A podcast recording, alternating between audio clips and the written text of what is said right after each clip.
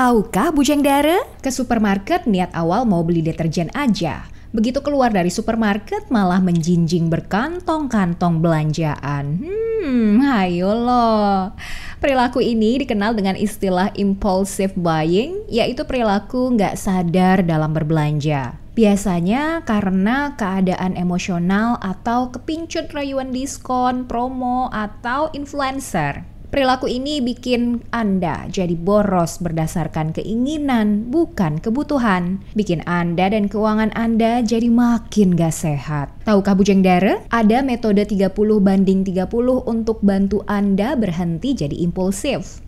Cara ini fleksibel. Anda bisa ganti dengan 300 banding 30 sesuai dengan nilai belanja yang Anda tentukan. Begini metodenya. Jika barang yang mau dibeli harganya lebih dari 300 ribu, tanya diri sendiri, apakah akan dipakai dalam 30 jam ke depan? Jika jawabannya adalah tidak, artinya Anda belum membutuhkan barang itu. Atau tunggu sampai 30 jam bahkan 30 hari sebelum memutuskan untuk membelinya. Selamat mencoba dan semoga kita membeli dengan kesadaran ya. Tahukah Bujang Dara?